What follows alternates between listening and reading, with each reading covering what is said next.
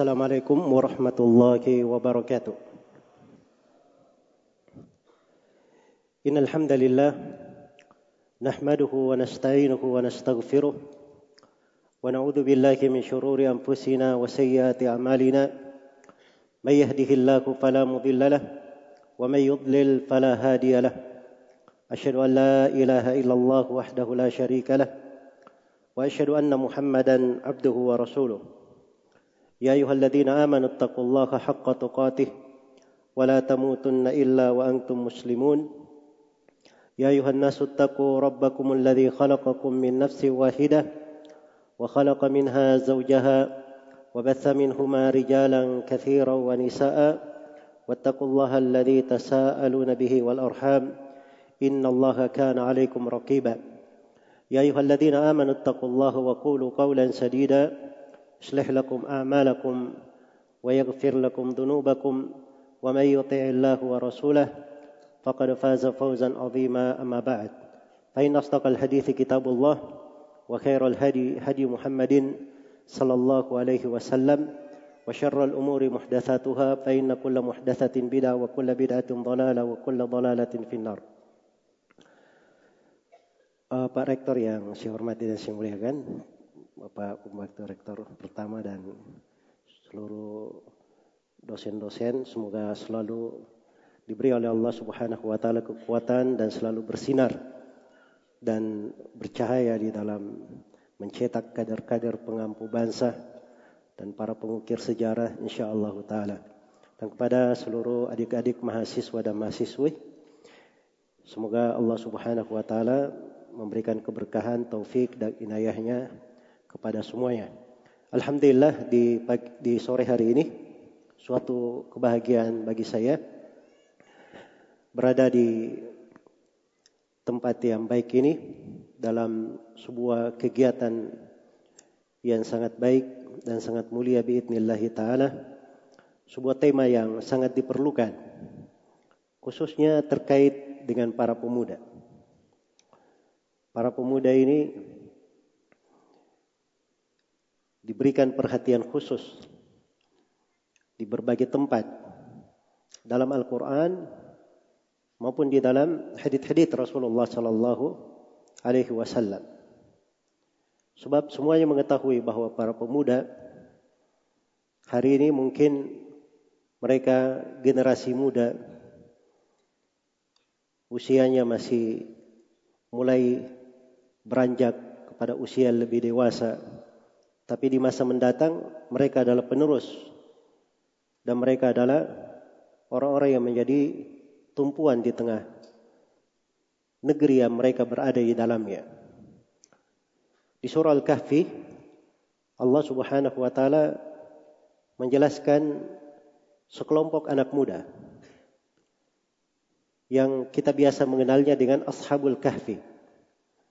Tujuh pemuda yang Allah sifatkan mereka di dalam Al-Quran innahum fityatun amanu bi rabbihim wazidnahum huda.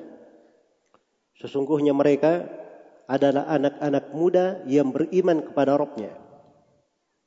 Kemudian kami menambah hidayah untuk mereka.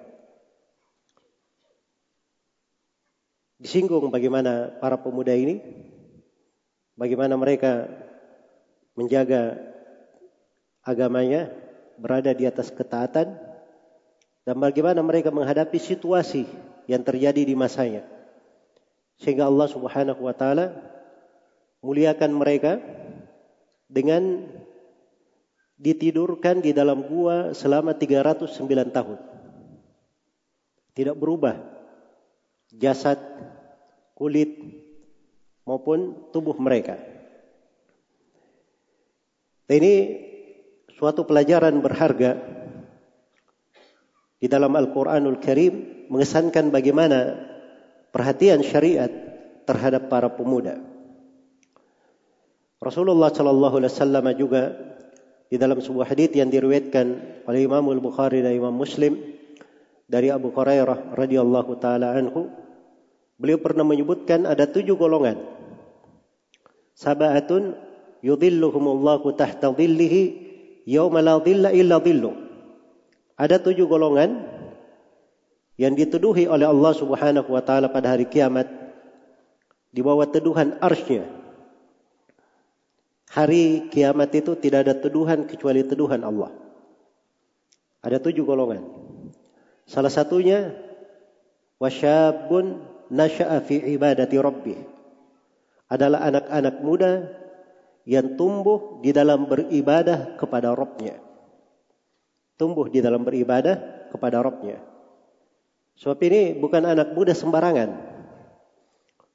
Umumnya usia muda itu adalah di kalangan anak-anak muda usia termasuk mereka melantarkan umur atau belum maksimal di dalam beraktivitas, berkarya, apalagi beribadah.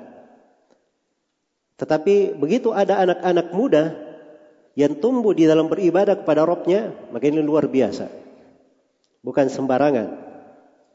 Karena itu diberi keutamaan khusus oleh Allah Subhanahu wa taala.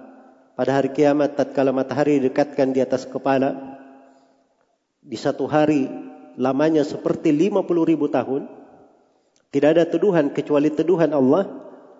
Ternyata yang termasuk dituduhi adalah anak muda yang seperti ini. Dan kalau kita berbicara tentang perhatian Nabi Shallallahu Alaihi Wasallam terhadap anak muda bagaimana beliau mengajari generasi muda dari kecilnya mempelajari iman, akidah sebelum mempelajari Al-Qur'an, bagaimana mereka dididik membaca Al-Qur'an, kemudian bagaimana Nabi sallallahu alaihi wasallam misalnya mengajari Ibnu Abbas kalimat-kalimat yang agung yang merupakan pondasi hidupnya selama beliau hidup, bagaimana beliau berwasiat kepada para pemuda di dalam menjaga akhlaknya, menjaga keluhuran pribadinya, menjaga dirinya dari dosa dan maksiat. Kalau kita baca seluruh hadis-hadis Nabi sallallahu alaihi wasallam tentang perhatian syariat terhadap para pemuda, maka kita akan temukan banyak dari riwayat-riwayat yang dipaparkan oleh Nabi sallallahu alaihi wasallam. Namun di pertemuan kita di sore hari ini adalah sebuah tema yang sangat penting sekali sebuah pembahasan yang banyak dilalaikan oleh para penuntut ilmu. Iya. Dan kalau saya berbicara tentang penuntut ilmu di dalam pembahasan syariat, memang benar bahwa asalnya kalau disinggung keutamaan ilmu, kebaikan ilmu, jalannya dan sebagainya, itu asalnya terkait dengan ilmu syariat. Tapi bukan artinya ilmu umum tidak masuk di dalamnya. Karena ilmu, ilmu umum itu itu bersyirikat di dalam hal manfaat di tengah manusia. Bisa menjadi manfaat di tengah manusia. Karena itu kata Imam Syafi'i rahimahullah taala, saya tidak mengetahui ada ilmu setelah ilmu syariat yang lebih besar manfaatnya di tengah manusia melebihi ilmu kedokteran. Padahal ini ilmu umum. Kenapa? Karena dari sudut manfaat ada kemiripan. Dari sudut mana kemiripannya? Sebuah ayat di dalam Al-Quran. Allah berfirman tentang hukum pembunuhan jiwa tanpa dosa, hukum menumpahkan darah tanpa kesalahan. Dan ini ayat di surah Al-Maidah setelah penyebutan dua anak Adam yang saling membunuh. Kita semua tahu kisah dua anak Adam yang salah seorang dari keduanya membunuh saudaranya, ya, bukan saling membunuh ya, tapi salah seorang dari keduanya membunuh saudaranya. Maka disebutkan dosa itu. Lalu Allah tegaskan min ajli dalika katabna ala bani Israel annahu man qatala nafsan bighairi nafsin aw fasadin fil ard faka'annama qatala an-nasa jami'a. Karena hal tersebutlah kami tetapkan atas Bani Israel Siapa yang membunuh? Siapa yang membunuh suatu jiwa? Siapa yang membunuh seorang jiwa? Bukan lantaran dia membunuh, bukan pula lantaran dia berbuat kerusakan, dibunuh tanpa dosa, maka seakan-akan dia membunuh seluruh manusia. Ini bahayanya membunuh jiwa tanpa dosa. Iya. Membunuh jiwa tanpa dosa. Dan membunuh jiwa tanpa dosa itu banyak bentuknya. Bukan membunuh jiwa itu tidak mesti dia langsung membunuhnya. Membunuh jiwa itu kadang dia menjadi sebab orang terbunuh. Ya, menjadi sebab orang terbunuh. Dia bikin acara kegiatan rame-rame, akhirnya ada yang terbunuh di situ. Gara-gara dia, nah itu sama di dalam hukum. Seakan-akan dia membunuh seluruh manusia. Tapi sebaliknya, waman ahyaha Faka'annama ahyan nasa jami'a. Barang siapa yang menghidupkan satu jiwa, maka seakan-akan dia menghidupkan seluruh manusia. Ini ilmu. Kalau ilmu agama, itu menghidupkan jiwa. Dari sudut hati itu, tanpa ilmu dia bisa mati. Bahkan orang tanpa ilmu agama, di hukum Al-Quran, itu dianggap sebagai mayat berjalan. Sebenarnya tidak hidup. Dia berjalan saja, beraktivitas, tapi sebenarnya tidak hidup. Karena kalau Al-Quran membahasakan, manusia itu hanya terbagi dua.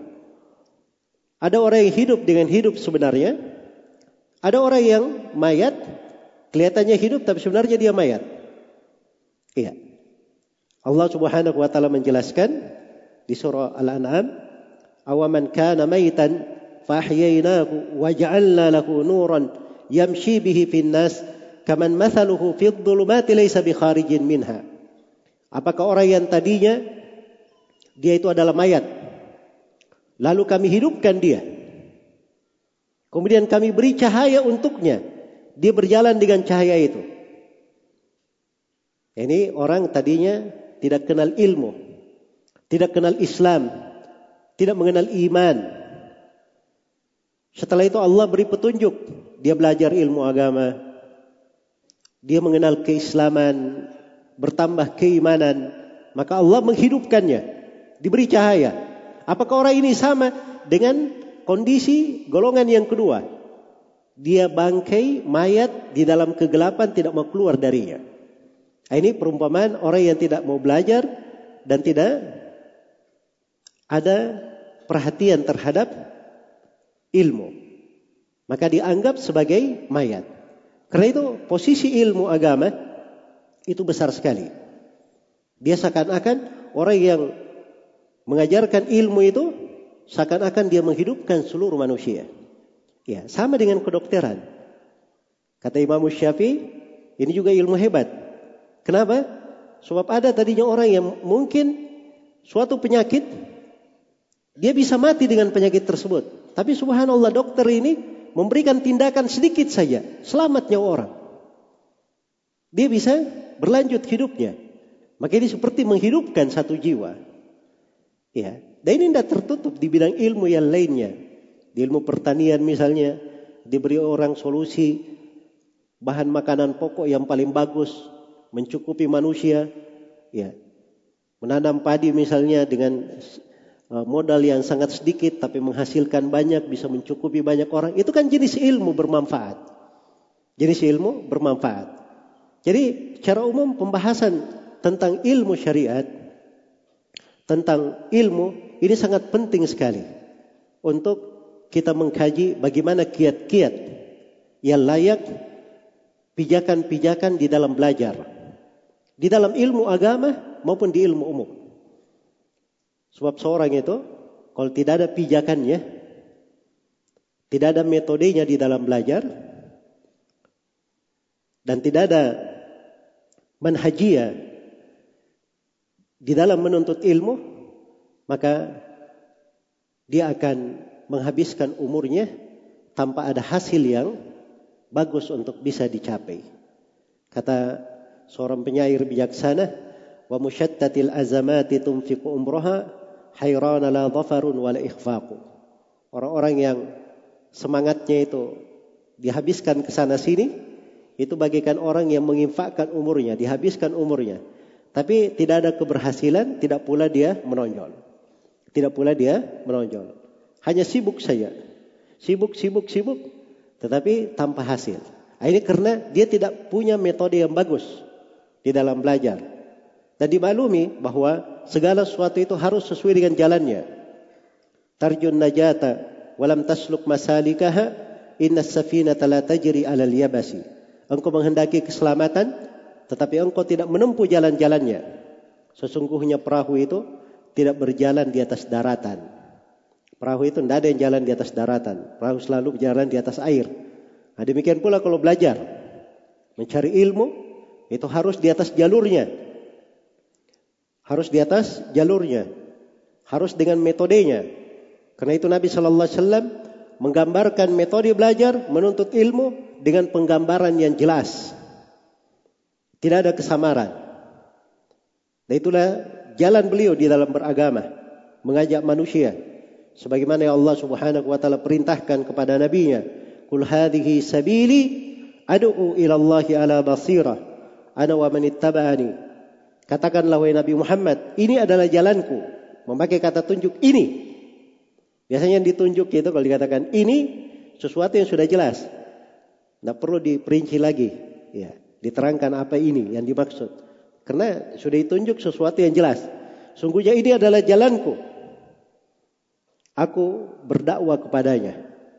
Kepada aku berdakwah kepada Allah di atas jalan itu. Saya dan orang-orang yang mengikutiku. Jadi pengikut Nabi Shallallahu Alaihi Wasallam itu apabila berjalan di dalam kehidupan maka jalannya juga adalah jalan yang jelas. Harus ada pijakan yang jelas. Seorang di dalam hidup harus ada pondasi-pondasi, ada pilar-pilar kehidupan yang selalu dia pegang di dalam hidupnya, selalu bersamanya, selalu men menyertainya, menjadi barometer di dalam ucapan maupun amalannya. Iya. Dan ini yang harusnya selalu dipahami oleh para pemuda, para penuntut ilmu.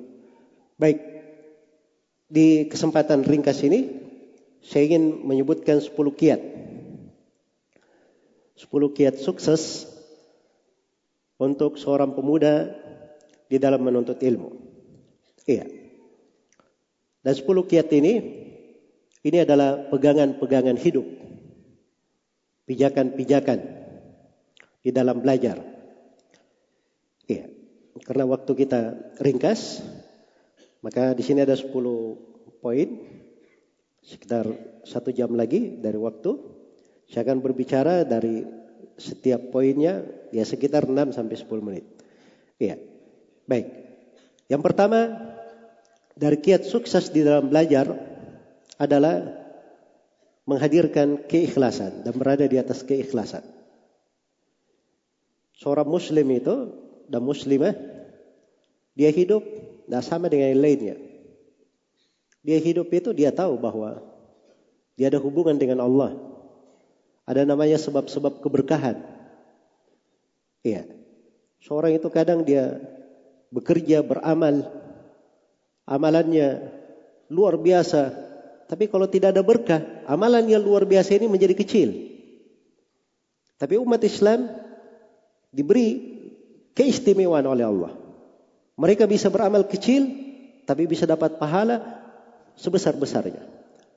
Amalan yang kecil ini, manusia di situ bisa berjenjang-jenjang dalam tingkat pahalanya. Itu keistimewaan. Dalam sholat misalnya ya, ada dua orang makmum ini. Gerakannya pasti sama karena dua-duanya makmum. Ikut imam. Kan begitu? Ya, tapi kata sebagian ulama dua orang ini sholat, satunya sholatnya di bumi, satunya sholatnya di langit. Yang membedakan apa? Tidak terlihat sesuatu di dalam hati. Ini terkait dengan keikhlasan dan yang semisal dengannya. Iya. Maka subhanallah di dalam kehidupan seorang muslim dan muslimah keikhlasan itu harus selalu dijaga, dia pelihara. Dia belajar jenis ilmu apa saja. Dia harus bisa mengontrol dirinya di atas keikhlasan. Iya. Bagaimana ikhlas itu dalam belajar? ikhlas dalam belajar, kalau saya simpulkan dari beberapa ucapan ulama, Ibnu Jama'ah Syafi'i dan selainnya, mereka katakan ikhlas itu pertama dia niatkan belajarnya untuk Allah Subhanahu wa taala. Satu. Jadi dia belajar, dia niatkan karena Allah. Ya. Maka ilmu yang dia pelajari itu dia niatkan karena Allah akan mudah, enak dia mempelajari. Sebab dia mempelajarinya karena Allah. Dia ingin mencari ridho Allah di dalamnya. Paling tidak dia akan berpikir nanti bagaimana ilmunya itu bermanfaat bagi manusia. Dia bisa berkarya dengan karya-karya yang baik di tengah manusia. Kemudian yang kedua dari keikhlasan, dia niat belajar untuk mengamalkan ilmunya. untuk mengamalkan ilmu yang dia pelajari. Iya. Nah ini saya akan bahas secara khusus. Saya poinkan satu kiat khusus di situ. Terkait dengan beramal. Sebab ini kiat sukses besar. Tapi ada kaitannya dengan ikhlas. Saya singgung di pembahasan keikhlasan. Yang ketiga, dari kiat ikhlas, seorang dikatakan ikhlas, dia belajar, dia niatkan untuk menghidupkan syariat dan menjaga agama. Iya. Menjaga agama dan menjaga kaum muslimin. Itu niat dia belajar.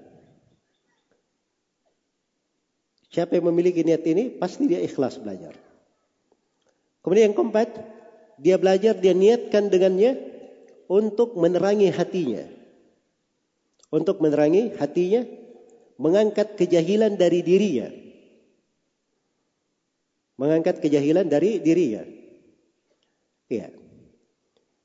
Seorang belajar itu dasarnya untuk itu, diangkat kejahilan dari dirinya untuk menerangi jiwanya. Iya. Adapun berpikir dia nanti akan berbuat begini menjadi begini, ya akan menjadi apa namanya seorang pemimpin dan seterusnya, itu adalah hal-hal yang untuk seorang penuntut ilmu tidak dia niatkan dari awal. Sebab yang seperti itu itu adalah hasil kedudukan Allah pilih untuk siapa yang Allah kehendaki. Iya. Dia berupaya pun untuk mencapai apa yang dia niatkan belum tentu dia sampai. Maka yang paling pokoknya adalah dia belajar untuk menerangi hatinya. Mengangkat kejahilan dari dirinya. Mengangkat kejahilan dari dirinya. Kemudian yang kelima dari ikhlas adalah seorang itu belajar untuk mensucikan batinnya. Untuk mensucikan batinnya. Iya. Batin itu perlu disucikan. Karena ilmu itu ilmu itu seperti air. Perlu disimpan di sebuah tempat. Perlu disimpan di sebuah tempat. Nah, tempat menyimpan ilmu itu adalah hati. Jadi kalau tempat menyimpan ilmu ini belum layak, tempatnya bocor-bocor, atau tempatnya kotor, ilmu yang masuk itu bisa dimaklumi bagaimana keadaannya. Makanya seorang penuntut ilmu dari keikhlasan dia meniatkan mempelajari ilmu adalah untuk memperbaiki batinnya. Untuk memperbaiki batinnya. Kemudian terakhir dari keikhlasan, dan ini yang keenam, ukuran seorang ikhlas dalam belajar dia meniatkan dengannya untuk mencapai ridha Allah dan mencapai apa yang Allah siapkan dari pahala dan keutamaan bagi para penuntut ilmu. Iya. Di belajar ini ilmu itu luar biasa. Dijanjikan dengan keutamaan-keutamaan besar. Coba bayangkan ya. Satu ayat, dua ayat. Seorang baca, dia pelajari, itu lebih bagus daripada dua ekor unta, tiga ekor unta. Iya. Ya, Nabi Shallallahu Alaihi Wasallam dalam hadits Abi Hurairah riwayat Muslim misalnya memberi contoh lain. Inginkah kalian saya tunjukkan untuk kalian pahala yang lebih bagus daripada tiga ekor unta yang gemuk lagi besar? Ya. Maka Nabi Shallallahu Alaihi Wasallam saat itu menjelaskan tiga ayat yang dibaca oleh seseorang di dalam sholatnya. Coba tiga ayat. Jadi satu ayat dibahasakan oleh Nabi seperti membaca apa? Satu ayat seperti mendapat satu ekor unta gemuk dan besar. Ya luar biasa ya harga unta sekarang berapa? Ya harga unta kurus-kurus saja saya kira nggak ada yang di bawah 20 juta. Ini gemuk besar. Anggaplah kita hitung 25 juta ya satu ekor unta. Ya kalau kita sholat, misalnya dua rakaat, kita baca surah yang paling pendek saja. Surah yang paling pendek. Umumnya kita kalau baca apa namanya uh, sholat, ya kita baca surah yang paling pendek berarti surah Inna Ataina Kal. Kan begitu? Terus cari lagi surah yang tiga ayat. Ya, kul huwallahu ahad misalnya. Hah? Baik. Jadi kalau surah Al-Fatihah tujuh ayat tambah tiga ayat tiga ayat berarti semuanya berapa? 20 ayat. 20 ayat kali 20 ekor unta berapa dapatnya? 400 ekor unta kali 25 juta. Nah, itu dua rakaat. Ini kalau kita hitungan bisnis ya. ya. Baik. Cuman kadang kita tidak sadar. Di dalam syariat itu lebih banyak indahnya. Tapi kalau kita bisnis benaran, unta benaran, oh mungkin lebih giat. Seriusnya luar biasa. Ya. Walaupun dikatakan jauh tempatnya, enggak apa-apa sih pergi jalan kaki. Jelas ya? Nah, ini hal yang ringan kadang. Ya. Kata Nabi SAW, rakaatani, rakaat al-fajri, khairun minat dunya wa ma fiha. Dua rakaat sebelum subuh, Pahalanya lebih baik daripada dunia dan segala isinya. Dua rakaat sunnah ini sebelum subuh. Padahal dua rakaat sunnah sebelum subuh ini disyariatkan membaca apa? Di rakaat pertama kuliah ya ayuhal kafirun, rakaat yang kedua kul huwallahu ahad. Tapi dikatakan oleh Nabi lebih baik daripada dunia dan segala isinya. Iya. Karena saya bilang sama anak saya, kalau masuk masjid dia langsung duduk. Kadang saya tanya, kamu mau tiap hari dapat 100 mobil? Oh iya mau. Bagaimana caranya? Nah, saya bilang ini dua rakaat subuh itu lebih bagus daripada dunia dan segala isinya. Jangankan 100 mobil, satu dunia berisi mobil, ini masih lebih bagus dua rakaat sebelum subuh. Ya masya Allah. Setelah itu lebih lebih rajin dia. Ya kadang perlu diingatkan dari hal-hal yang membuat seseorang itu sadar Bukan dia ingin mencari dunia, tetapi dia sadar bahwa kegiatan yang ada di depannya itu kegiatan yang besar, bukan hal sembarangan. Ya, sama dengan orang belajar menuntut ilmu. Ilmu itu kalau tidak dihadirkan akan keutamaannya, kemanfaatannya, bagaimana fadilahnya di sisi Allah dan bagaimana ilmu itu memudahkan seseorang di dalam kehidupannya, memberi cahaya untuk dia pada dirinya, pada hatinya, membersihkan badannya, membersihkan jiwanya, membuat baik hubungannya dengan keluarganya, hubungannya dengan kerabatnya, membuat baik hubungannya dengan masyarakatnya. Andai kata dia mengerti dari keutamaan ilmu di kehidupan dunia, di sakaratul maut, di alam kubur, ketika dia menghadap kepada Allah Subhanahu wa taala, maka dia akan lebih serius dan lebih giat untuk mengambil ilmu sebagaimana yang dituntunkan. Karena sayang sekali umur ini berlalu. Ya. Kehidupan terus berjalan. Dan ajal kita semua sudah dipastikan. Kita semua bergulir ke sana setiap hari tanpa henti. Tidak ada yang bisa menghentikannya. Maka suatu kerugian yang sangat besar kalau kita tidak menghadirkan dari keikhlasan ini. Keikhlasan ini amalan hati. Tidak kelihatan oleh orang-orang. Tidak kelihatan. Tapi ini memberi pengaruh yang sangat besar. Memberi pengaruh yang sangat besar. Iya. Maka ini kiat yang paling pertama dan utama dalam belajar dan menuntut ilmu. Karena itu Nabi Shallallahu Alaihi Wasallam mengingatkan tentang ikhlas ini di berbagai tempat, di berbagai kondisi. Iya menunjukkan akan keagungan dan kebesarannya. Baik. Kemudian yang kedua dari kiat keberhasilan dalam belajar dan menuntut ilmu adalah ta'zimul ilm. Pengagungan terhadap ilmu. Pengagungan. Jadi kalau seorang itu tahu ilmu ini hal yang agung, perkara yang besar, itu pasti dia memiliki sebuah kiat, sebuah dorongan besar untuk membantunya di dalam langkah dalam mempelajari ilmu apa saja. Dari ilmu agama maupun ilmu yang bermanfaat. Karena pengagungan terhadap ilmu itu pengagungan terhadap Allah Subhanahu wa taala yang mengajarkannya, yang memerintahnya untuk mempelajarinya. Dan pengagungan terhadap Nabi Muhammad sallallahu alaihi wasallam yang menunjukkan jalannya. Allah Subhanahu wa taala telah berfirman, "Dzalika wa may yu'azzim sya'airallah fa innaha min taqwal qulub." Demikianlah perintah Allah. Dan barang siapa yang mengagungkan simbol-simbol Allah, syiar-syiar Allah, maka itu berasal dari ketakwaan di dalam hati. Iya. Jadi harus ada pengagungan terhadap ilmu. Nah, dari pengagungan terhadap ilmu itu, dia memahami kadar ilmu tersebut, keutamaannya, kemanfaatannya. Iya.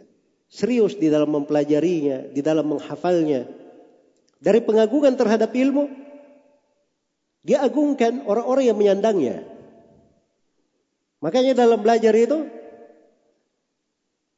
menghormati guru itu adalah suatu kemestian di dalam belajar. Iya. Sebab kalau dia tidak menghormati gurunya, sudah dari awalnya dia sebenarnya telah mencelakakan dirinya sendiri. Telah mencelakakan dirinya sendiri. Karena ilmu itu harus diambil dari guru.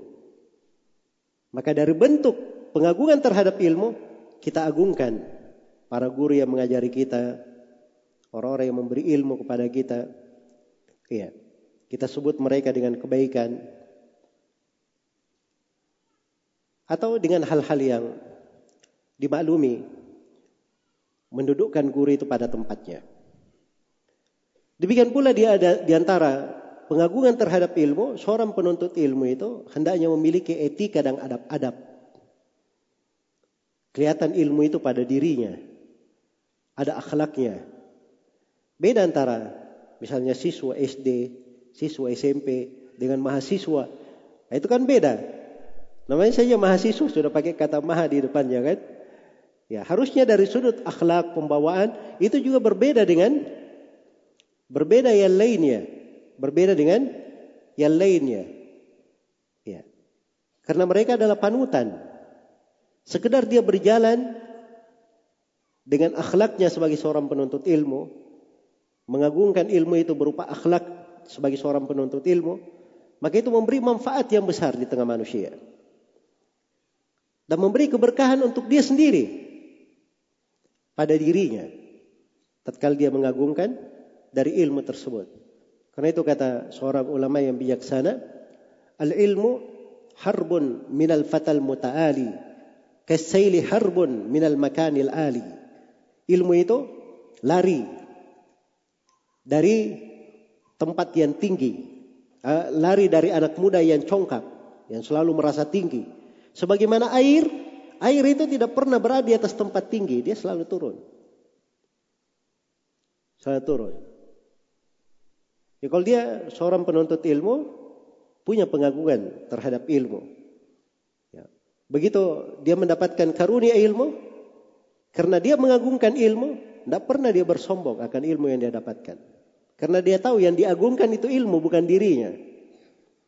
Iya. Dan ilmu itu datangnya dari Allah Subhanahu wa taala. Pemberian dari Allah. Anugerah dari Allah Subhanahu wa taala. Baik. Maka ini bentuk dari ta'zimul ilm, pengagungan ilmu. Kalau seorang mengagungkannya, bagus memahami keagungannya, maka itu adalah kiat besar membantu dia untuk berhasil insyaallah taala di dalam menuntut ilmu. Rasulullah sallallahu alaihi wasallam bersabda, "Man salaka tariqan yaltamisu fihi ilman, sahhalallahu lahu bihi tariqan ilal jannah." Siapa yang menempuh sebuah jalan, dia mencari ilmu di dalamnya, maka Allah akan mudahkan untuknya jalan menuju kepada sorga. Akan dimudahkan untuknya jalan menuju kepada sorga. Iya. Hanya saja belakangan ini kita melihat sebagian dari para penuntut ilmu Bertentangan jalannya dari dasar ini. Belajar menuntut ilmu, tapi subhanallah ilmu itu kadang dia injak-injak. Ya, dia tempatkan bukan pada tempatnya. Perilakunya kadang menunjukkan perilaku bukan orang yang menyandang ilmu. Bahkan orang berjelek sangka terhadap ilmu dengan perilaku-perilaku yang seperti itu. Iya. Dia kata misalnya seorang berbuat kemungkaran, terus ada yang melihatnya maka dikatakan ini orang belajar kok bisa seperti itu. Ya, perbuatannya lebih buruk daripada kami yang tidak belajar. Nah, ini kan bentuk namanya kita sendiri tidak mengagungkan dari ilmu tersebut. Makanya seorang penuntut ilmu apabila memiliki pengagungan ta'zim terhadap ilmu, maka ini modal besar untuk membantunya berhasil biidnillah taala di dalam belajar dan menuntut ilmu. Baik. Kemudian yang ketiga dari kiat keberhasilan di dalam belajar dan menuntut ilmu adalah kesungguhan dan tidak malas, tidak bermalas-malasan. Kesungguhan dan tidak bermalas-malasan. Karena itu Nabi Shallallahu Alaihi Wasallam membahasakannya, "Man salaka tariqan yaltamisu ilman." Siapa yang menempuh sebuah jalan mencari ilmu di dalamnya. Ya. Ini antik ya kalau dikaji hadits ini dari sudut bahasa Arab ya. Man salaka siapa yang menempuh sebuah jalan, suluk di situ. Dalam bahasa Arab itu suluk ada dua. ada suluk hissi, ada suluk maknawi. Siapa yang menempuh berjalan, berjalan menempuh itu ada dua mana. Ada berjalan dengan jalan hissi yang biasa kita lewati, kita lalui. Dia berjalan misalnya dari rumah ke masjid, dari rumah ke kampus, dari rumah ke tempat belajar. Ini berjalan benaran ya. Ya, berjalan benaran. Jelas ya? Dan ada berjalan bentuknya maknawi. Dia semakna di atas mana itu. Misalnya dia belajar sungguh-sungguh, dia menghafalnya, dia begadang sampai malam hari. Nah, itu maknawi. Semuanya dianggap berjalan. Jadi siapa yang menempuh sebuah jalan yaltamisu fihi ilman. Di situ pakai fi'il mudhari. Dalam bahasa Arab itu fi'il mudhari kata kerja yang sedang berlangsung sekarang atau kata kerja akan berlangsung akan datang. Tapi fi'il mudhari dalam bahasa Arab itu itu menunjukkan makna yang terus menerus, kontinu. Iya. Karena itu dia harus kontinu di dalam belajar. Kontinu dalam menuntut ilmu. Ya, orang yang mau berhasil dalam menuntut ilmu itu tidak kenal ya namanya malas-malasan. Karena itu di kitab Sahih Muslim ini di pembahasan sholat ya. Imam Muslim membawakan beberapa riwayat tentang waktu sholat dari hadits Abdullah bin Amr bin As. Dari riwayat-riwayat yang beliau bawakan dari berbagai negara. Ini berbagai negara ini riwayatnya dari berbagai negeri. Itu orang mengumpulkannya tidak sembarangan. Coba kita bayangkan ya sekarang saja kalau kita ingin mengumpulkan satu riwayat, satu hadith misalnya, kita mau ambil dari beberapa guru, gurunya berada di berbagai negara. Jadi berapa banyak kita melakukan perjalanan ya? ya sekarang saja kondisi yang mudah seperti ini, ya transportasi Masya Allah di masa sekarang sangat memudahkan. Itu pun kita terasa berat. Bagaimana pula dengan orang-orang di masa dahulu. Makanya Imam Muslim setelah membawakan riwayat-riwayat banyak tentang satu hadis ini bagaimana dia kumpulkan dari berbagai negeri, beliau berkata membawakan riwayat dengan sanatnya kepada Imam Yahya ibnu Abi Kathir. Yahya bin Abi Kathir berkata, la yustata'ul ilm birahatil jisim.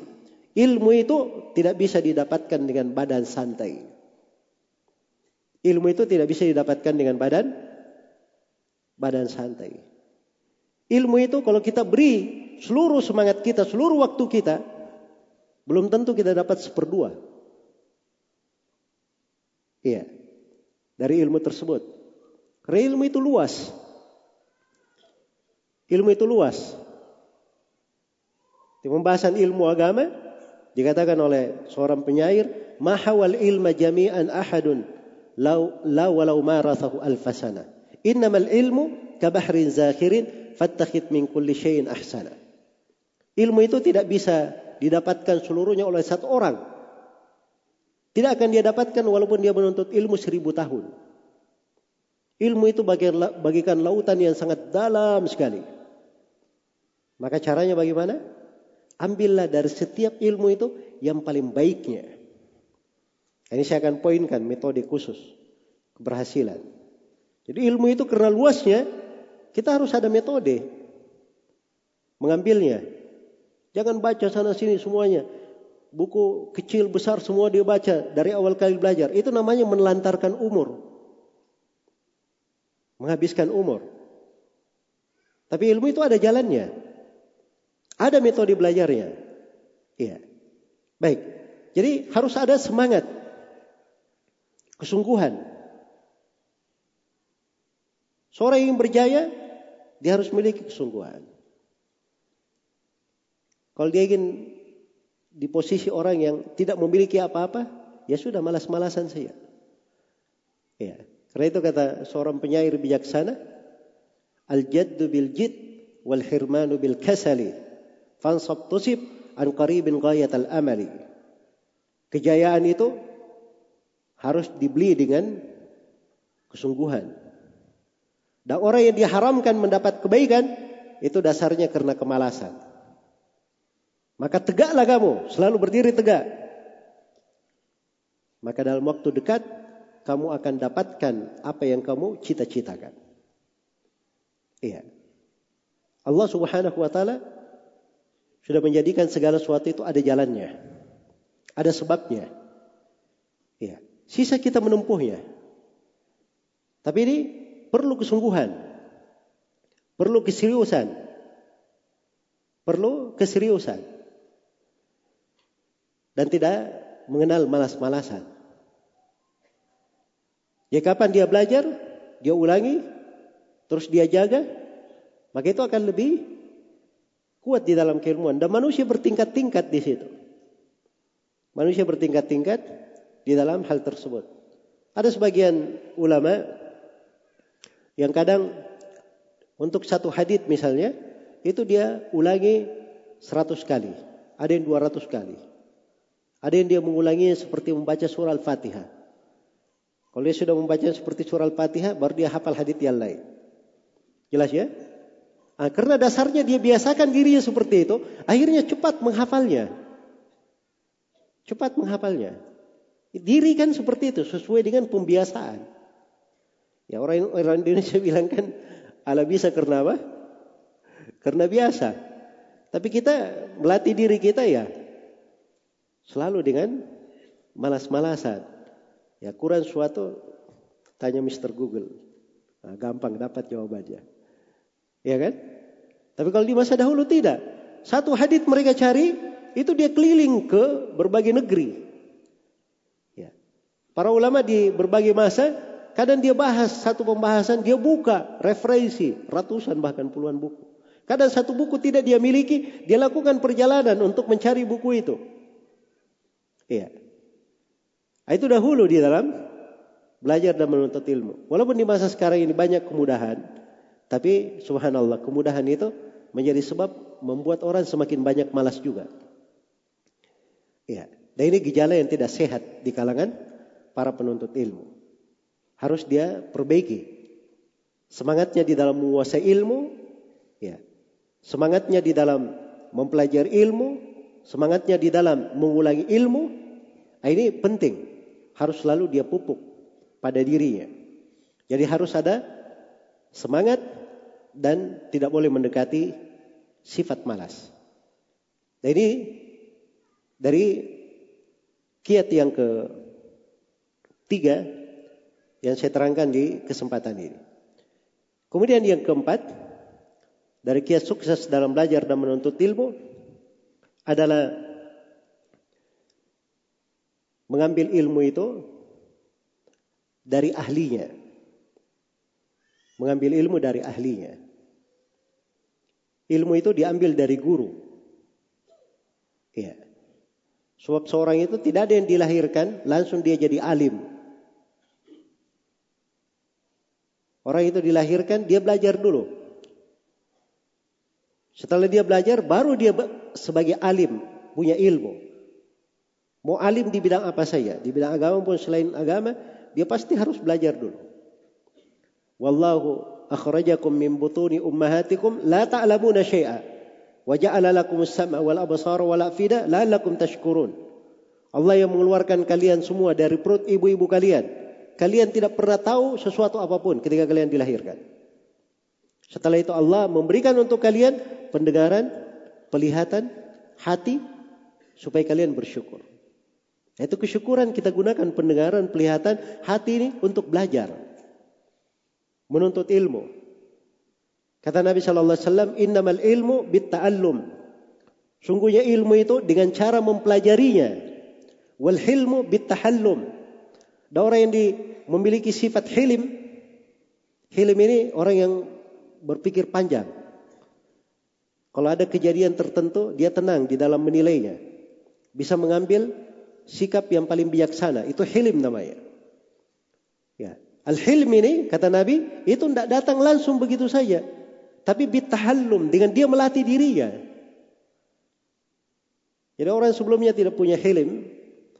Misalnya dia sebelumnya sumbu pendek, dibakar langsung meledak. Kalau dia ingin menghindari sifat yang seperti ini, dia harus latihan. Dia harus melatih diri. Dia dapat berita misalnya begini. Bagaimana caranya melatih diri? Ya. Sabarkan aja. Jangan dia tanggapi dulu. Mungkin dia baca satu pekan lagi. Nah, itu kan melatih diri. Supaya dia tidak tergesa-gesa di dalam mengambil sikap. Nah, ini tahallum ini itu ada ilmunya juga kalau dipelajari. Dan itu ada pembahasan-pembahasannya dalam ilmu. Ya. Tapi dia tidak datang begitu saja. Maka ilmu didapatkan dengan cara dipelajari.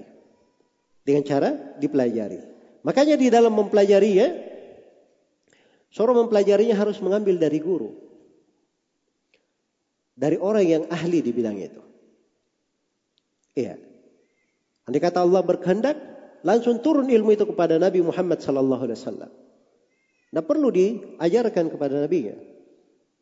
Tapi dengan hikmah Allah Subhanahu wa taala ilmu itu diturunkan kepada nabinya dalam bentuk pengajaran. Turun sedikit demi sedikit. Bahkan wahyu yang paling pertama turun kepada nabinya perintah membaca. Iqra bismi rabbikal ladzi khalaq. Khalaqal insana min alaq. Iqra wa rabbukal akram. Alladzi 'allama bil qalam. 'Allama al insana ma lam ya'lam. Bacalah wahai Nabi Muhammad dengan nama Rabbmu yang mencipta yang mencipta manusia dari segumpal darah. Bacalah dan rohmu itu maha mulia. Artinya kalau seorang selalu membaca, pemberian Allah itu luas sekali. Allah itu maha dermawan. Itu di antara kandungan dan makna ayat. Jadi keutamaan belajar juga. Makanya seorang ulama itu di sakaratul maut. Lewat satu pembahasan ilmu ditanyakan kepadanya, dia nggak bisa jawab. Dia bilang ada di buku begini dan begini. Coba kita bahas. Ya, ini sudah sakaratul maut ini. Maka dikatakan kepadanya, kenapa ya Syekh kamu tetap bahas pada kamu kondisi seperti ini? Kata beliau, andai kata saya menghadap kepada Allah, di kondisi saya tahu tentang ilmu ini, itu lebih saya senangi daripada saya mati dalam keadaan saya tidak tahu ilmu ini. Jadi ya, menghadap kepada Allah saja, di kondisi seorang itu pernah belajar ilmu, itu lebih baik daripada dia tidak pernah belajar ilmu tersebut. Iya. Ilmu itu juga kan ada yang paling penting, ada yang penting, ada yang penting tapi dia tingkat sebelumnya.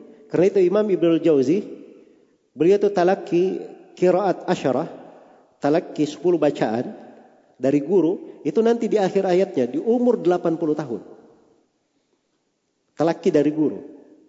Sebab ini ilmu, kalau dia pelajari dari guru bisa diambil dasarnya tanpa membaca. Tapi kalau praktek baca itu kan perlu waktu praktek baca. Coba bayangkan ya 10 kiraat. Kita tidak usah hitung 10 ya. 7 saja, 7 kiraat dalam Al-Quran. Di Indonesia ini satu kiraat namanya Hafs An-Asim. Itu yang kita baca di Indonesia. Al-Quran itu 7 kiraat. 7 kiraat ini dua perawinya. Jadi 14. Kalau kita mau khatamkan, kita harus baca kepada guru store Al-Quran 30 juz 14 kali. Jelas ya? Nah, terus kiroat ini itu punya dua jalur riwayat lagi. Ada namanya tariqah Tayyibatun Nashr, ada namanya tariqah Syatibiyah. Jadi 28 kali khatam. Ya. Kira-kira siapa guru yang mau mengajari dengar dia 28 kali khatam sampai selesai? Kan perlu waktu duduk dengan guru itu. Makanya Ibnu Jauzi rahimahullah di umur 80 tahun baru beliau ada waktu datangi guru ya. Ini umur sudah tua, orang sudah bilang, ngapain lagi sudah kakek-kakek begini masih apa namanya? Store hafalan, belajar ilmu kiraah. Sebab memang prinsipnya mereka seperti itu. Menghadap kepada Allah dalam keadaan punya ilmu akan sesuatu itu lebih baik daripada dia jahil akan hal tersebut. Ya. Makanya mereka ini ketika belajar itu mengambil ilmu langsung dari guru. Kalau tidak mengambil ilmu dari guru, wah itu bahayanya besar. Ya. Pertama, dia menelantarkan banyak umur. Kalau dia tidak mengambil ilmu dari guru. Coba bayangkan ya. Ini saya sering apa namanya eh, terangkan ke kawan-kawan yang terlalu tergesa-gesa di dalam seruan berjihad, berjihad sampai melakukan aksi bom bunuh diri. Ya. Saya kadang tanya ke mereka, kafir itu ada berapa dalam agama? Jadi mereka ini tidak kenal kafir kecuali satu saja. Kafir ya non muslim. Non muslim ya semuanya boleh dibunuhi. Ya kamu tahu dari mana? Nah ini dia nggak mengerti. Dia cuma baca jihad, keutamaan dan sebagainya. Dia tidak mengerti. Bahwa di dalam Islam itu orang kafir itu ada empat. Ada namanya kafir dimi, ada namanya kafir muahad, ada namanya kafir mustamad, dan ada namanya kafir apa namanya? Harbi. Ini empat. Tiga jenis kafir ini haram darahnya. Yang boleh diperangi itu cuma satu, kafir harbi saja. Kafir harbi ini pun kalau berperang dengannya itu namanya jihad. Jihad itu ada syarat-syaratnya. Ada syarat-syarat dan ketentuannya. Di antara ketentuan besarnya harus dipimpin oleh kepala negara. Nah, ini mereka tidak pelajari. Jelas ya? Kalau dia pelajari, dia baca dari buku, tanya Mr. Google sekalipun, Mr. Google nggak bisa jawab. Jelas ya? Baca buku. Ini pembagian kafir ini menjadi empat. Itu harus kita baca dulu. Bab jihad semuanya di pembahasan fikih ibadah. Itu kalau di madhab hambali. Di fikih ibadah diletakkan. Kalau orang-orang syafi'ah diletakkan di akhir pembahasan fikih. Yang jelas bab jihad dia baca dulu semuanya. Di dalam bab jihad itu, di dalam kitab jihad itu ada beberapa bab lagi di dalamnya. Pembahasan lagi. Ada namanya pembahasan ahkam ahli dhimma. Ini hukum dengan kafir yang hidup bersama kita. Ada pembahasan namanya muahada, ikatan perjanjian. Apakah kafir di tetangga kita atau di negeri lain atau negara lain, ada namanya kafir, ada namanya aman. Kalau orang kafir luar mau masuk ke negara kita. Itu ada hukum-hukum semuanya. Dan pembahasan detail. Jadi kalau dia baca sendiri, itu berapa lama waktu dia duduk. Tapi sekarang antum ini dengar pembahasan bahwa saya bagi kafir menjadi empat. Ini kan uraian dari guru. Guru mengambilnya dari mana? Dia sudah kaji semuanya itu. Sehingga guru ini meringkas waktu untuk kita. Dia beri untuk kita intisari ilmu. Kalau kita sendiri baca, mungkin kita perlu bertahun-tahun membacanya. Di dalam ilmu tersebut. Nah, itu fungsinya seorang belajar dari guru. Makanya kalau dia tidak mengambil dari guru, dia akan banyak keliru. Belum lagi keliru dalam pemahaman. Belum lagi keliru dalam pemahaman. Keliru dalam memahami sesuatu. Ya. Ada yang pernah dengar uh, perumpamaan di kalangan orang Arab, dia katakan ada keledai katanya. Suatu hari dia berkata kepada tuannya, ya, saya ini andai kata manusia itu bersikap adil, saya ini lebih bagus daripada tuanku. Karena tuanku ini Tumal Hakim nama tu, tuannya. Dia jahilnya jahil kuadrat pangkat dua, susun pangkat dua. Kalau saya jahilnya jahil biasa. Bagaimana Tumal Hakim ini? Itu jadi perumpamaan itu di tengah orang Arab. Tumal Hakim. Sampai kata Abu Hayyan Al-Andalusi rahimahullah, "Man ramal uluma bi ghairi syuyukhin yudhillu anis siratil mustaqimi." Iya. Siapa yang mencari ilmu tanpa guru, dia akan tersesat dari jalan yang lurus. Iya. Dan dia nanti akan seperti itu sampai dia lebih seperti keadaan Tuma al-Hakim. Dia lebih tersesat dari Tuma al-Hakim. Kenapa Tuma al-Hakim ini? Ini Tuma al-Hakim dia bikin gempar orang. Dia lakukan apa? Dia sedekahkan anak-anak perempuannya kepada orang. Dia baca keutamaan sedekah, sedekah, sedekah. Oh Masya Allah, bersedekah itu bagus. Kalau begitu saya sedekahkan saja ada anak perempuanku kepada orang. Dia mengharapkan sorga Allah dengan menyedekahkan apa? Anak perempuan. Itu nggak ada ceritanya dalam syariat masa anak perempuan disedekahkan. Jelas ya? Niatnya bagus mencari sorga. Ya. Anak perempuan itu nggak ada ceritanya disedekahkan. Anak perempuan itu dinikahkan, dicarikan orang yang layak untuknya. Kan begitu? Ini dia sedekahkan ke orang. Diberi gratis ke orang, dia sedekahkan. Nah, ini pemahaman dia pahami sendiri. Tidak mengambil dari mana? Tidak mengambil dari guru, akhirnya kejahilannya kuadrat pangkat dua. Bahkan sebagian manusia ada kejahilannya bisa kuadrat pangkat tiga, pangkat empat, macam-macam. Iya. Karena dia tidak mengambil dari guru. Ada pernah yang membaca kitab Sahih Muslim, dia baca sebuah hadis. Hadis ini harusnya titik ya-nya itu titik di bawah satu titik saja, tapi di buku dia titiknya ada dua. Akhirnya beda bacaannya. Hadisnya di Sahih Muslim. Bunyi hadisnya semuanya orang tahu. Al-habbatus sauda syifa'un likulli da illa Al-habbatus sauda artinya jinten hitam, jinten hitam, habat sauda itu itu adalah penyembuh untuk segala penyakit kecuali kematian. Ini orang dia baca habbatus sauda, titiknya ada dua. Habba kan pakai ba, bahkan satu titiknya. Ini di buku dia titiknya ada dua. Jadi dia baca al hayyatus sauda. Artinya ular hitam. Ya. Beda lah maknanya, dia pergi tangkap ular hitam. Dan kita semua tahu ya, ular hitam itu biasanya paling beracun. Ya, tangkap ular hitam, dia makan, matilah dia. Ya. Nah, ini dibunuh oleh kejahilannya baca sendiri, tidak ambil dari mana? Dari guru. Disebut juga oleh Imam Suyuti dan selainnya, ada orang kalau dia ke masjid, dia itu selalu bawa pisau dan bawa kampak. Bawa pisau, bawa kampak, letakkan depannya. Orang heran tanya, kenapa kamu lakukan itu? Katanya Nabi Shallallahu Alaihi Wasallam bersabda, "Ida itu salata fa'tuha bisikinin wa fa'az." Ada lagi haditnya, Masya Allah ya. Jadi kalau kamu datang sholat, bawalah pisau dan kampak katanya. Nah, ini salah baca, salah titik juga. Itu haditnya bukan sikin. Haditnya di riwayat Bukhari Muslim itu. Ida itu musolaha fa'tuha bisakinatin wa waqarin. Itu haditnya.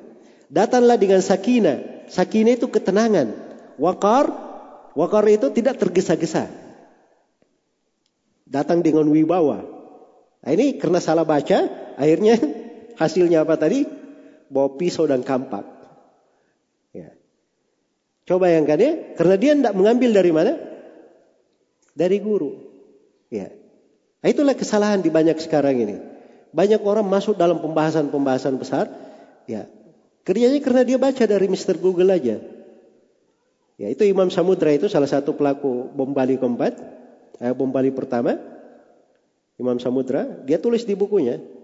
Ya, dia tidak pernah pondok pesantren, tidak pernah ini. Kecuali dia cuma sharing-sharing di internet saja, chatting-chatting di sana. Jadi itu metode belajar seperti itu, membuat tersesat dari jalan jalan yang lurus. Karena dia tidak mengambil dari guru. Coba kalau dia duduk sama guru. Kalau ada kekeliruan seperti itu, itu langsung ditegur. Langsung diperbaiki. Bahkan dari keistimewaan seorang guru itu, guru itu kadang bisa menerangkan perkara-perkara yang tidak bisa, yang tidak pernah dia sangka. Tidak pernah dia sangka. Karena itulah ilmu itu diambil dari ahlinya. Diambil dari ahlinya. Ya. Di bidang ilmu apa saja? Seorang mengambil ilmu dari ahlinya. Sama di bidang kesehatan. Ada sekira nama-nama obat itu yang apa namanya beda-beda satu kalimat, beda-beda satu huruf. Nah, itu kan kalau sudah sudah keliru orang yang kasih jurnal misalnya di internet atau kasih ini, mungkin dia akan salah memberi resep kepada orang atau salah dia membuat sebuah kesimpulan di dalam sebuah analisa penelitian. Tapi kalau dia tanya dari orang yang ahli, memang di bidangnya di situ, ah, itu pasti akan dibimbing dengan tepat. Sebab dia sudah bukan sekedar ilmu saja, menguasai antara ilmu dan pengalaman. Menguasai antara ilmu dan pengalaman. Ya sama dengan ilmu agama juga seperti itu. Ilmu agama itu ada ilmu yang sifatnya kalau kelas awal itu sifatnya dia belajar, dia hafal kalimat-kalimat huruf-huruf. Ada kelas di atasnya dia pahami apa yang dia hafalkan. Ada kelas di atasnya dia bisa memposisikan apa yang dia hafal itu menjadi berbagai sudut pembahasan yang lain. Ya, ada lagi kelas di atasnya dia bisa hadapkan dengan pendapat yang lain sambil membahas dalil-dalil setiap pendapat itu apa. Ini kan semuanya tidak datang begitu saja. Tapi diambil melalui perantara seorang guru. Baik. Jadi ini sudah yang keberapa tadi? Hah? Sudah yang keempat. Iya.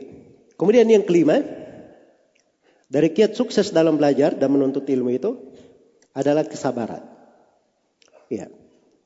Yang mau belajar, dia harus punya kesabaran. Dan itu suatu perkara yang harus ada pada seorang penuntut ilmu. Harga mati. Kalau dia tidak punya kesabaran, ya, jangan bercita-cita untuk berhasil. Karena itu kata Imam Syafi'i rahimahullah taala, biqadril kaddi tuktasabul ma'ali. Man talaba al-ula wa man talaba al-ula sahara al-layali.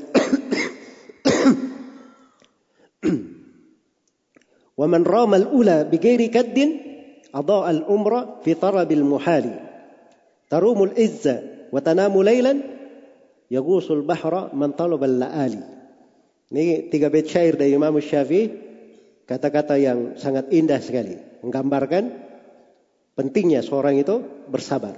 Kata beliau, sesuai dengan kadar kesabaran dan ketekunan, seorang akan meraih ketinggian.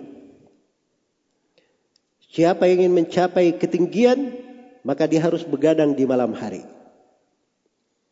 Siapa yang menghendaki ilmu-ilmu tanpa suatu usaha yang besar, tanpa kesungguhan dan kesabaran, itu artinya dia menghabiskan umurnya dalam mencari hal yang mustahil.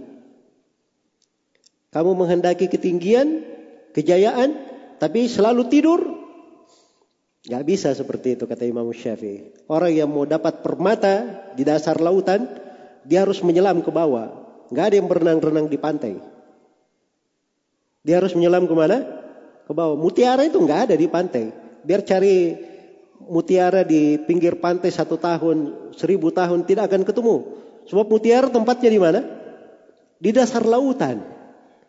Orang yang bisa menyelam di dasar lautan, ah, itu baru bisa dapat mutiara.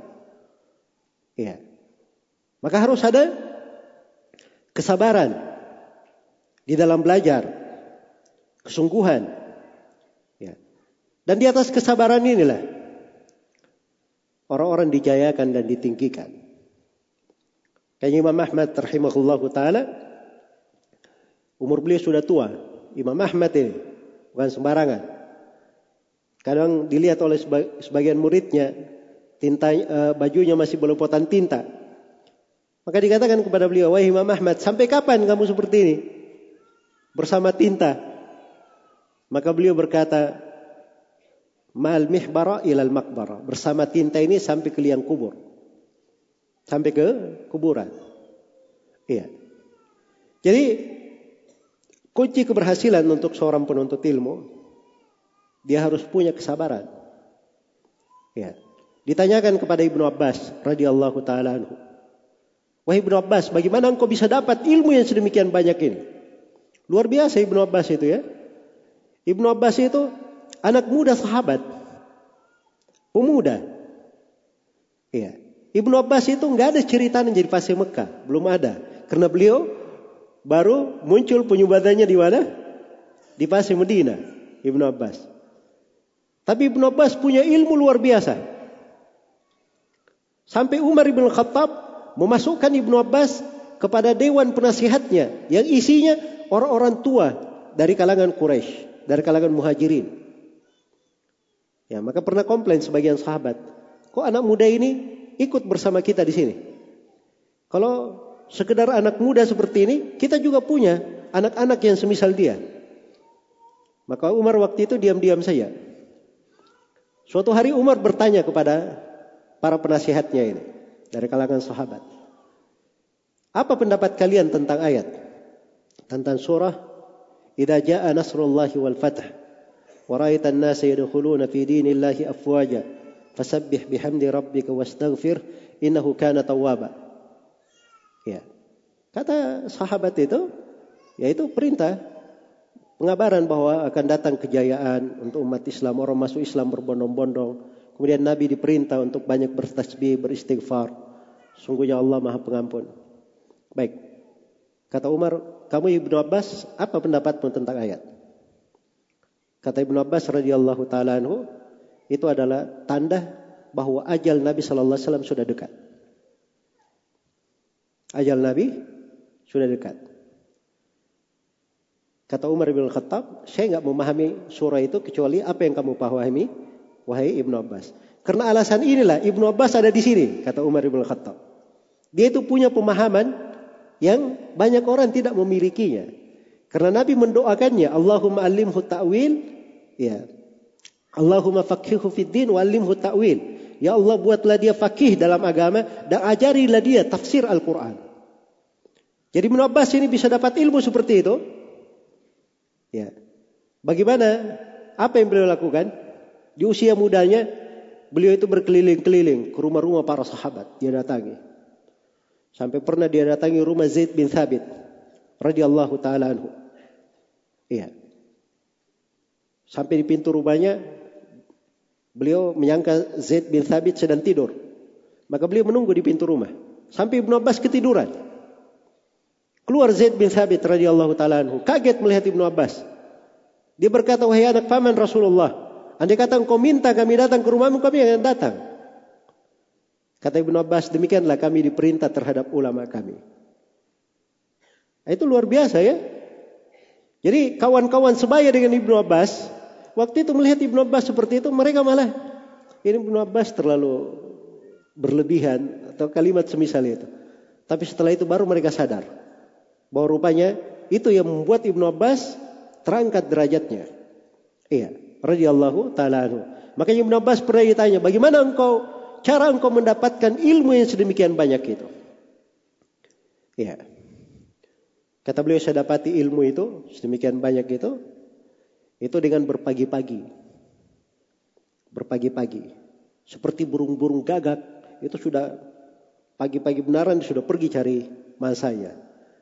Dan saya apa namanya uh, mendapati ilmu tersebut dengan kesabaran seperti sabarnya batu-batu cadas itu. Ya. Dan beliau sebutkan bagaimana kriteria seorang itu bisa mendapatkan banyak ilmu. Maka di antaranya adalah kesabaran. Seorang memiliki kesabaran. Iya. Jadi kalau seorang penuntut ilmu dari asalnya, dari dasarnya dia belajar, dia ingin santai, ya, ingin selalu orang berkhidmat kepadanya, tidak ingin berkorban. Ya. Maka ini pada pada awalnya sudah ada kemunduran namanya. Ya kalau dia dari dasarnya memang tahu ilmu itu, dia harus mengerahkan segala kemampuannya, bersungguh-sungguh di dalamnya. Dan orang yang bersabar, semakin dia bersabar, semakin dimudahkan dia di dalam ilmu, semakin dimudahkan dia di dalam ilmu, maka insya Allah Taala dia akan semakin giat dalam belajar. Ini jangankan pada kaum muslimin. Ya, pada orang-orang kafir sekalipun, kalau mereka punya kesabaran di dalam sesuatu, itu kadang Allah Subhanahu wa taala bukakan untuk mereka hal-hal yang mereka sedang upayakan. Karena itu dalam Al-Qur'an diterangkan firman Allah Subhanahu wa taala, "Amma yujibul muttarra idza da'ah." Siapakah yang bisa menjawab doanya orang yang kesusahan ketika dia berdoa kepada Allah. Kata para ulama, orang kafir pun kalau dia di kondisi susah dia memohon kepada Allah, Allah kabulkan doanya. Allah kabulkan doanya. Apalagi seorang muslim. Iya. Harusnya dia punya dari sebab-sebab keberkahan, sebab-sebab keberhasilan, sebab-sebab kebaikan yang sangat banyak. Maka dia perlu kesabaran di dalam hal tersebut. Kemudian yang ke yang keenam dari kiat belajar dan menuntut ilmu kiat sukses dalam belajar dan menuntut ilmu adalah tadarruj bertahap. Setahap demi setahap, stay apa namanya? step by step, ya. Demikian. Jadi kalau dia ingin belajar, dia tempuh dari tangga yang paling bawah, tangga setelahnya, ke tangga setelahnya. Jangan dia langsung mau melompat ke atas. Dia ambil dari ilmu yang kecil sebelum ilmu ilmu yang besar. Karena itu di tafsir ayat walakin kunu rabbaniyina bima kuntum tuallimuna alkitaba wa bima kuntum tadrusun. Tapi jadilah kalian orang-orang rabbani. Siapa rabbani yang dipuji ini? Kata Imam Al-Bukhari, alladhi rabbin nas ala sigaril ilm qabla kibarihi. Rabbani itu adalah orang yang mendidik manusia dengan ilmu yang kecil sebelum ilmu yang besar. Sebelum ilmu yang besar. Iya. Jadi kalau mau belajar itu, misalnya ya, kita di pembahasan fikih. Mau belajar fikih, itu jangan langsung masuk di pembahasan. Apa hukum mengusap kepala pada saat wudhu? Ada 16 pendapat di dalamnya. Pendapat pertama begini, pendapat kedua begini, pendapat begini. Pendapat pertama dalilnya ini, pendapat kedua dalilnya ini. Adapun pendapat pertama, dalil mereka yang pertama kelemahannya di sini. Dibantah lagi oleh yang mengandung. Sampai kapan dia mau selesai belajar? Jelas ya? Itu memang ada semua di rincian buku-buku fikih ada. Tapi untuk penuntut ilmu tidak cocok seperti itu. Dia duduk pada seorang guru. Guru ajarkan kepadanya ringkasan fikih dari A sampai Z. Dari awal kitab, dari bab ibadah sampai bab tentang hukum-hukum dan peradilan. Nah, itu baru dia selesai belajar agama. Jelas ya? Yang menjadi masalah sekarang ini, orang-orang kadang dia menganggap dirinya belajar agama. Tapi belajarnya sedikit-sedikit, sepotong-sepotong. Ya, satu bab sepotong ini dia sudah ambil kesimpulan ke seluruh pembahasan. Masuk di urusan umum, masuk di urusan peradilan, masuk di urusan tata negara. Padahal dia belum pernah belajar ilmu-ilmu yang seperti itu. Itu semua ada ilmunya. Iya. Ilmu politik itu ada namanya siasya syariah, itu ada satu perpustakaan khusus di dalam bidang syariat. Ada buku-buku khusus. Hubungan antar negara saja, hubungan antara apa namanya hubungan bilateral saja itu diatur satu buku tebal begini terkait dengan masalah duta-duta besar itu. Ya, itu pun ada beberapa buku yang ditulis di dalam satu pembahasan. Coba bisa dibayangkan, banyaknya pembahasan di pembahasan seputar siasa syariah saja. Belum lagi di dalam mengatur terkait dengan tata negara, mengatur tentang pengadilan. Pengaturan tentang pengadilan, peradilan, hukum-hukum. Itu ada pembahasan-pembahasannya.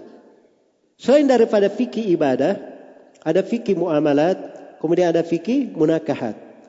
Ini semuanya ada aturannya. Kalau seorang mengambil sebagian sepotong-sepotong, nah itulah menjadi banyak ketimpangan. Masuk dalam perkara-perkara apa namanya? Yang akan membuat kerusakan kalau dia berbicara di situ. Karena dia belum mempelajarinya. Iya. Jadi inilah yang kita lihat ya dari ketimpangan-ketimpangan. Kadang ada terjadi satu masalah. Ya. Diajaklah anak-anak muda ini untuk membangkitkan semangat jihad. Oh ini jihad. Oh ini bela Islam. Bela Islam dalam hal tersebut. Ya. Tapi cara-cara yang seperti itu tidak pernah diajarkan di dalam Islam. Tidak pernah diajarkan di dalam Islam. Kemudian masuk di dalam urusan sebagian perkara, itu bukan urusan semua orang, itu urusan pengadilan. Urusan pengadilan. Ya, kalau punya pendapat misalnya akan sesuatu, ya, itu tidak ada di dalam hukum tata negara itu. Seorang misalnya punya pendapat walaupun pendapatnya bagus, dia serukan dengan cara di jalanan dipaksakan untuk diterima pendapatnya. Kalau punya pendapat yang bagus, datangi orang yang punya wewenang diskusi dengannya tentang pendapatnya. Kalau tidak dia diizinkan untuk melaksanakan pendapatnya, diberi contoh yang baik. Saya sudah terbukti. Ya. Nah, itu jalannya yang bagus. Itu namanya menata kehidupan. Akan membuat manfaat bagi manusia. Dan itu untuk penuntut ilmu aman baginya, tidak menyibukkannya. So, kalau anak-anak muda kita ya disibukkan dengan hal-hal yang seperti itu, belum masuk waktunya. Sekarang ada kebijaksanaan pemerintah begini. Oh mereka tidak setuju. Kemudian turun ke jalanan misalnya. Melakukan aksi-aksi. Ya. Mereka juga di dalam hal tersebut dalam menentang kebijaksanaan dasarnya apa? Argumennya apa? Kan begitu. Itu masih perlu pembahasan. Dan di sini seorang penuntut ilmu harus tahu dirinya itu di mana. Mungkin saja pendapat saya benar, mungkin pendapat mereka itu juga benar, kan begitu? Ya. Saya baru belajar setahun, saya semester berapa sekarang? Ya, lulus kuliah pun belum, Ya, yang sana mungkin sudah puluhan tahun di bidang itu. Jadi hal-hal yang seperti itu, kalau kita tahu kadar diri kita dan kita tahu tingkat-tingkatan ilmu, itu bisa menempatkan kita pada posisi yang aman. Sebab kalau seorang penuntut ilmu tiap kali ada masalah dia masuk ke dalam perkara yang bukan wewenangnya, itu pasti akan memutus jalannya dari belajar. Memutus jalannya dari belajar. Iya, orang-orang yang mau berhasil itu dia tekuni bidangnya, secara bertahap dia kuasai tahapan demi tahapan. Setelah selesai tahapan-tahapan tersebut, itu ada namanya proses di dalam mengamalkannya. Ini akan saya bahas di poin yang ketujuh. Ya. Dari pokok kesuksesan adalah beramal dengan ilmu. Karena ilmu itu perlu diamalkan. Perlu dipraktekkan. Bukan cuma teori saja. Tapi ilmu yang dipelajari bagaimana kita berusaha untuk mengamalkannya. Allah Subhanahu wa taala berfirman di dalam Al-Qur'an, "Walau annahum fa'alu ma yu'aduna bihi lakana khairan lahum wa ashadda tathbita wa idzan la'atainahum min ladunna ajran 'azima wa lahadainahum siratan mustaqima." Andai kata mereka mengerjakan apa yang diperintahkan kepada mereka, maka itu yang terbaik untuk mereka dan paling mengukuhkan keadaannya. Ya kalau ilmu itu diamalkan, maka itu yang terbaik. Selain daripada itu, itulah yang membuat suara itu dikukuhkan kedudukannya. Iya, dikukuhkan kedudukannya. Ilmu yang dia pelajari semakin kuat. Makanya Imam Ahmad itu ditanya, Wahai Imam Ahmad, bagaimana cara engkau menguatkan hafalanmu? Kata Imam Ahmad rahimahullah, kunna nasta'inu ala hifdil hadith bil amali bihi. Kami mengambil pertolongan untuk menghafal hadis dengan cara mengamalkannya. Ya kalau dia sudah amalkan, dibantu untuk menguatkannya. Iya. Dan lebih daripada itu, wala hadainakum siratan mustaqima. Idzan la atainakum min ladunna ajran 'azima. Kalau sudah seperti itu, kami akan beri untuk mereka pahala yang sangat besar. Wala hadainakum siratan mustaqima. Dan kami akan beri untuk mereka hidayah menuju kepada jalan yang lurus. Karena itu kata para ulama, man amila bima alim, ilma ma lam ya'lam. Siapa yang beramal dengan ilmu yang dia ketahui, maka Allah akan mengajarkan kepadanya ilmu yang sebelumnya tidak dia ketahui. Ini fungsi amalan. Sebab kalau orang beramal dengan ilmunya, itu menjadi sebab dia bertambah ilmu yang lain. Allah bukakan untuk dia pintu-pintu ilmu yang lain. Iya. Jadi caranya mudah. Kalau sudah ada orang yang tekun di sebuah bidang misalnya, ya, dia ingin lebih meluas di bidang itu, dia amalkan dulu semua yang dia ketahui. Lihat saja, pasti Allah akan bukakan untuk dia pintu-pintu ilmu yang lain. Allah akan bukakan untuk dia pintu-pintu ilmu yang lainnya. Ya. Baik. Jadi ini yang ke keberapa? Yang ketujuh. Baik, yang kedelapan Nah ini dari sifat penuntut ilmu yang harus mewarnai orang yang belajar. Nah ini kiat utama di dalam sukses, yaitu bertakwa kepada Allah. Bagaimana seorang itu dalam belajarnya dia selalu bertakwa kepada Allah dengan menjalankan segala yang diperintah dan meninggalkan segala segala yang dilarang. Iya. Jadi kalau dia dengan belajar semakin bertakwa kepada Allah, maka itu akan semakin baik. Tapi kalau dia belajar membuat dirinya semakin banyak bermaksiat, semakin banyak berdosa kepada Allah Subhanahu wa taala. Dengan dia belajar membuat dia semakin banyak membuat kerugian di tengah masyarakat, membuat banyaknya kejadian-kejadian yang jelek. Maka ini bukan hal yang ciri, bukan hal yang merupakan ciri kebaikan pada diri seorang hamba. Harus dia benahi dirinya. Bagaimana dia bangun takwa ini. Karena itu dikatakan dalam Al-Quran, Wattakullaha wa yu'allimukumullah. Bertakwalah kalian kepada Allah dan Allah akan mengajari kalian. Dan Allah akan mengajari kalian. Maka ketakwaan itu dari sebab yang menyebabkan seorang itu dimudahkan untuk diajar diajari oleh Allah Subhanahu wa taala mendapatkan ilmu dari Allah Subhanahu wa taala. Baik. Kemudian yang kesembilan dari kiat sukses dalam belajar dan menuntut ilmu adalah istiqamah dan terus menerus belajar. Tidak ada hentinya. Istiqamah. Ya seorang penuntut ilmu itu dia bukan ketika dia kuliah saja. Bukan ketika dia lanjut di tahapan berikutnya. Ya. Dia mengambil misalnya program-program pasca sarjana ya dan segala bidang takhususiyah keahlian yang diperlukan ya tidak cukup sampai situ. Karena kadang seorang itu belajar dia punya di masa sekarang dia punya satu lembar yang menunjukkan dia pernah sekolah tapi itu belum tentu menunjukkan standar dari ilmu. Mungkin itu hanya sekedar pembuka saja pendahulu saja. Hakikatnya dari ilmu itu ya dilihat bagaimana dia belajar setelahnya karena itu dari kekeliruan di tengah para penuntut ilmu, dianggap waktu belajar itu ketika dia di masa kuliah saya atau di masa dia menempuh program studi formal saya. Padahal ilmu itu tidak seperti itu. Ilmu itu harus berketerusan, berkelanjutan. Karena itu tidak ada yang lebih bagus dari ilmu agama. Sebab ilmu agama itu dia ibadah di segala sudut dan segala keadaan. Iya. Dan dia menjadi ibadah bisa menyertai seorang sampai akhir hayatnya. Menyertai seorang sampai akhir hayatnya. Disebutkan di biografi Al-Imam Abu Zur'ah Abdul Karim Ubaidullah bin Abdul Karim Ar-Razi rahimahullah beliau ketika dihadiri oleh sakaratul maut didatangi oleh sakaratul maut maka beliau dikunjungi oleh kawan-kawannya para ulama ahli hadith di masanya ada Abu Hatim Ar-Razi, Muhammad bin Idris namanya. Ada Muhammad bin Muslim bin Warah, dan ada Mundir bin Syadad.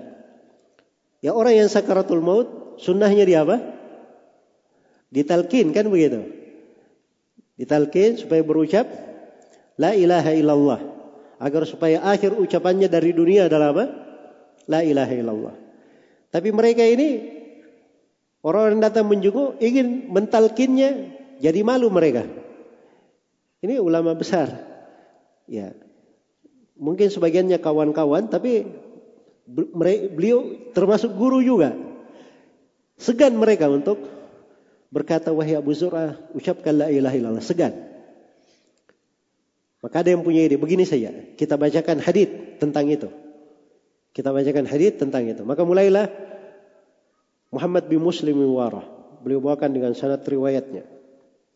Beliau katakan haddatsani أبو النبيل الضحاك بن مخلد عن عبد الحميد بن جعفر عن صالح bin Abi Arib an Abdul Hamid bin Ja'far an Salih berhenti sampai situ beliau nggak bisa melanjutkan karena wibawa kepada siapa Abu Zur'ah akhirnya Abu Hatim melanjutkan dia bawakan sanad periwayatannya juga beliau katakan haddatsani Muhammad bin Bashar qala haddatsani Abdahak bin Makhlad an Abdul Hamid bin Ja'far Ansari. Sampai situ juga dia tidak bisa lanjutkan. Ya. Demikian pula Al-Mundir bin Syadad. Tidak bisa melanjutkan. Maka Bu Zur Ar-Razi yang sementara sakaratul maut ini ya, mendengar orang-orang ini membacakan potongan hadis, beliau sangat paham mereka ini mau apa. Ya, ingin mentalkinnya hadis tentang apa? Mengucapkan la ilaha illallah. Maka di kondisi sakaratul maut beliau membawakan sanad periwayatannya kepada Nabi sallallahu alaihi wasallam. Kata beliau haddatsana Muhammad bin Bashar an Dhahhak bin Makhlad an Abdul Hamid bin Ja'far an Salih bin Abi Arib an Kathir bin Murrah al-Hadrami an Mu'ad bin Jabal radhiyallahu taala anhu qala qala Rasulullah sallallahu alaihi wasallam man kana akhir kalamihi la ilaha illallah dakhala al-jannah. Setelah itu keluar ruh beliau rahimahullahu taala. Di sebagian riwayat dikatakan man qala la ilaha illallah. Dikata la ilaha illallah keluar ruh beliau. Iya. Itu ilmu berpengaruh sampai ke sakaratul maut. Kalau memang dia istiqamah sepanjang dia hidup itu yang dia lakukan. Dia beramal, mengajarkannya, ya, menyampaikannya. Ya, tapi yang menjadi masalah kalau ilmu itu hanya dijadikan bahan untuk mendapat gelar-gelar, titel-titel di tengah manusia yang dia bisa berbangga, bersombong dengannya, atau menganggap dirinya lebih tinggi dari yang lain, atau hanya murni mendapatkan kepentingan dunia ya. Saya katakan murni mendapatkan kepentingan dunia, bukan dilarang. Yang tercela itu kalau murni mencari dunia. Tapi kalau seorang itu dia belajar sesuatu, ada niat akhirat, niat baik, tapi dunia mengikut, itu nggak ada masalah. Ya, itu tidak ada masalah.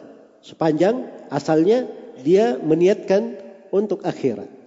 Tapi kalau dia belajar semata-mata untuk dunia, ah, ini adalah hal yang berbahaya. Adalah hal yang berbahaya. Karena itu dalam Al-Quran dikatakan, Man kana yuridul hayata dunya wa zinataha, nuwaffi ilaihim a'malahum fiha wa hum fiha la yubkhasun, أولئك الذين ليس هم في الآخرة إلا النار وحبط ما صنعوا فيها وباطل ما كانوا يعملون Barang siapa yang menghendaki kehidupan dunia dan perhiasannya, maka kami akan cukupi untuk mereka apa yang mereka inginkan. Dan mereka tidak akan dikurangi. Itu fitnahnya subhanallah. Kalau orang beramal ibadah untuk dunia, Allah berikan dunia itu. Nggak dikurangi. Tapi Allah ingatkan mereka ini orang-orang tidak ada bagiannya di akhirat kecuali neraka. Hancur amalan mereka dan batil apa yang mereka kerjakan. Ini kalau murni dia mencari dunia.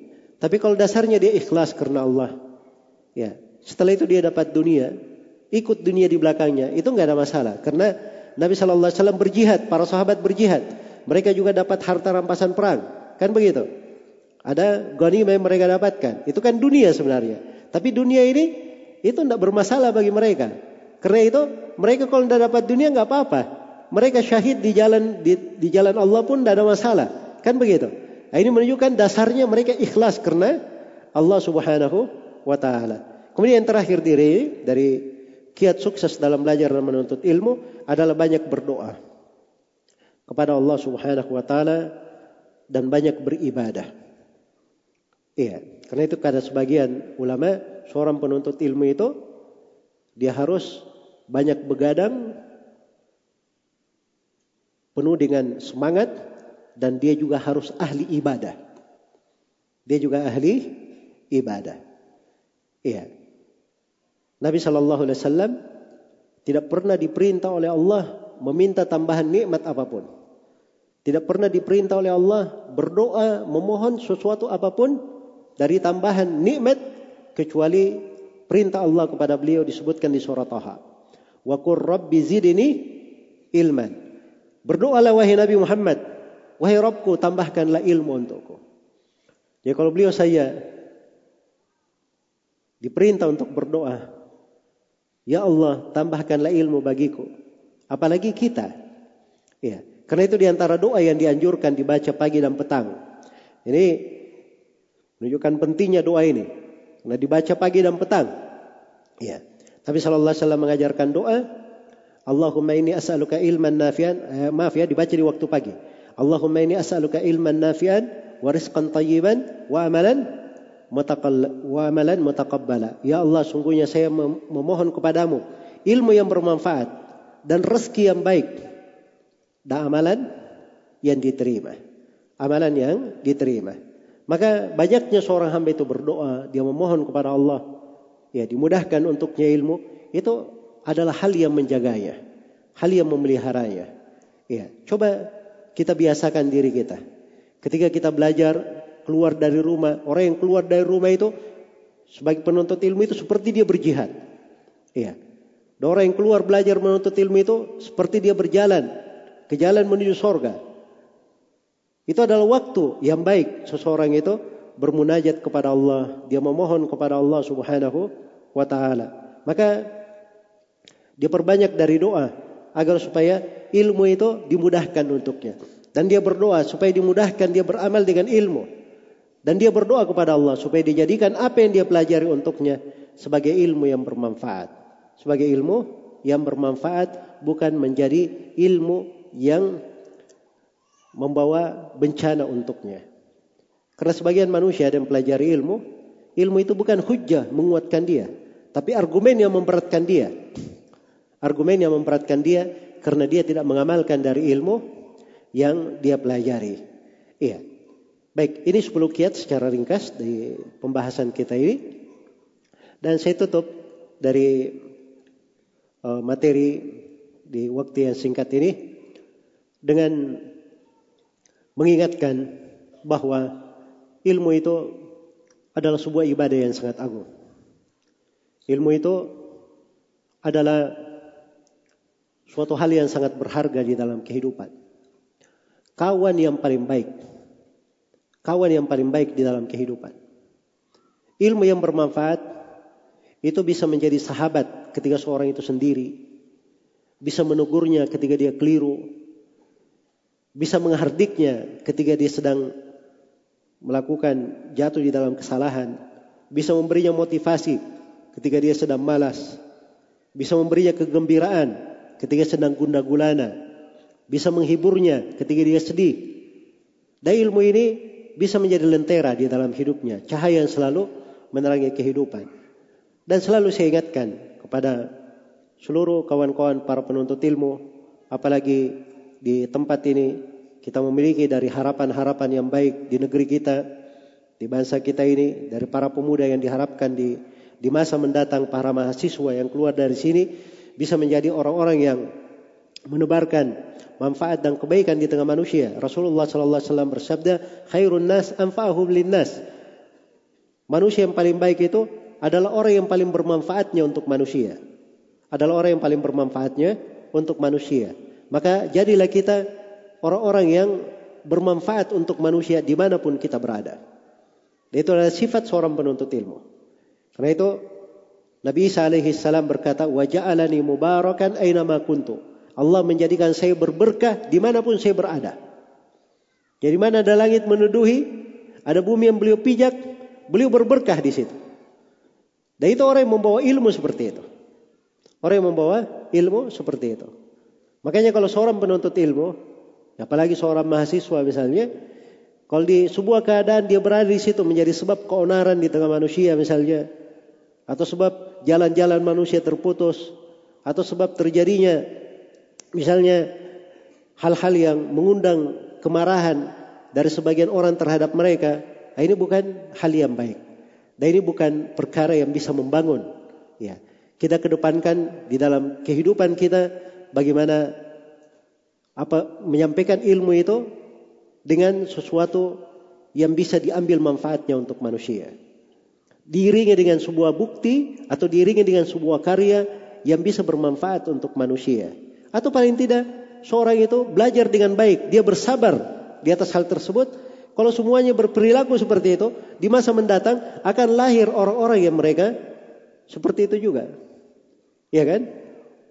Makanya kalau misalnya di masa sekarang berbicara di kondisi sekarang, ada yang merasa oh ini pimpinannya kurang pas atau kurang cocok.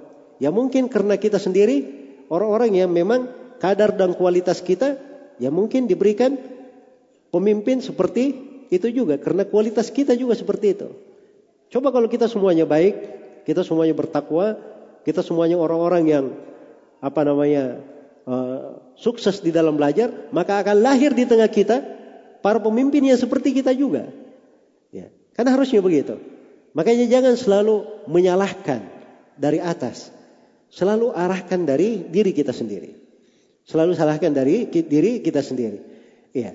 Ini cara berpikir yang hendaknya dipahami oleh kawan-kawan sekalian agar supaya kita punya sebuah hal yang bisa menyelesaikan masalah-masalah yang terjadi di tengah kita, di tengah masyarakat kita atau di tengah negeri kita ini. Semoga Allah Subhanahu wa taala memberikan taufik dan rahmatnya kepada kita semua. Ini saya mohon maaf ya karena waktunya sudah lewat 15 menit dari waktu yang dijadwalkan. Dan saya berterima kasih sebesar-besarnya kepada uh, pihak Universitas Fajar, kepada Pak Rektor dan seluruh jajarannya atas kesempatan yang telah diberikan dan kepada seluruh kawan-kawan yang menjadi sebab terselenggaranya acara ini juga kepada hadirin dan hadirat kaum muslimin dan muslimat semoga Allah Subhanahu wa taala menganugerahkan kepada kita semua ilmu yang bermanfaat amalan yang salih dan selalu menjaga kita semua di atas kebaikan melindungi kita semua dari segala dosa dan kesalahan. Dan saya bermohon kepada Allah Subhanahu wa taala yang mempertemukan kita di tempat yang baik ini di acara yang mulia ini. Semoga Allah Subhanahu wa taala menjadikan kita semua sebagai kunci-kunci kebaikan di tengah manusia. Sebagai orang-orang yang menutup pintu-pintu kejelekan dan sebagaimana Allah Subhanahu wa taala yang mempertemukan kita sebagai orang-orang yang bersaudara di kondisi yang baik saya juga bermohon kepada Allah semoga kita semua kelak di kemudian hari dikumpulkan oleh Allah Subhanahu wa taala di dalam surganya yang penuh dengan keutamaan. Innahu waliyyu innahu wal qadiru alaih. Ini mungkin yang bisa saya sampaikan dan saya mohon maaf atas segala macam kekurangan. Subhanakallahumma wa bihamdik. Asyhadu an la ilaha illa anta astaghfiruka wa atubu ilaik. Walhamdulillahi rabbil alamin. Wassalamu alaikum warahmatullahi wabarakatuh